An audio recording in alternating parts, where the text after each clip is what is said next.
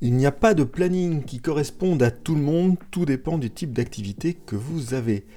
Bienvenue, vous êtes sur le podcast J'ai pas le temps pour ça, présenté par Eric Boucher, où l'on partage des trucs, des astuces, des outils, des méthodes pour être plus efficace au quotidien et terminer la journée plus tranquillement. Sur cette histoire de planning et de calendrier, c'est Trello qui nous propose notamment de différencier entre l'organisation d'un faiseur, maker, en bon anglais, ou d'un manager, et de voir justement la différence de nos journées va avoir un impact sur ce que vous pouvez planifier et là où vous allez être le plus efficace.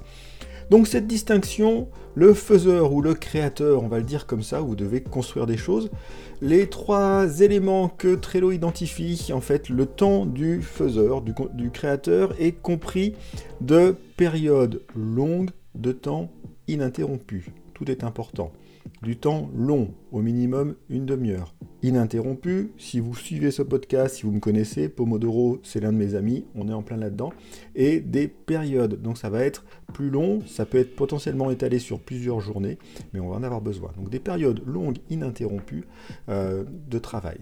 Donc pour cela, qu'est-ce que ça veut dire en termes de conseils pour gérer l'agenda d'un euh, créateur?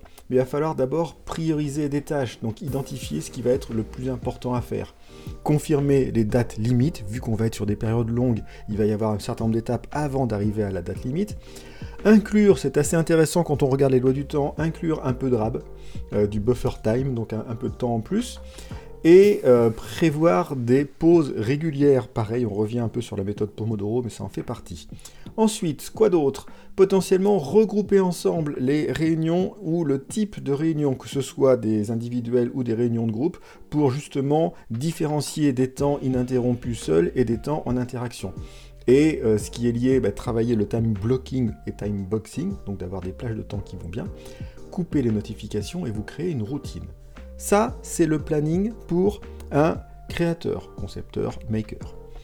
Pour le manager, ce que Trello dit, et vous me direz si ça correspond pour vous, le temps du manager est compris, constitué de réunions. Préparer les réunions, planifier les réunions, replanifier les réunions, aller dans des réunions, débriefer après les réunions. Je cite, c'est dans l'article. Donc effectivement, en termes d'organisation, ça veut dire qu'il va falloir trouver la bonne cadence pour toutes ces réunions, communiquer vos disponibilités à l'équipe, être conscient des disponibilités du reste de l'équipe et également intégrer votre, vos obligations, votre calendrier personnel. Et donc gérer des euh, réunions qui vont vous permettre au final de gérer vos deux rôles.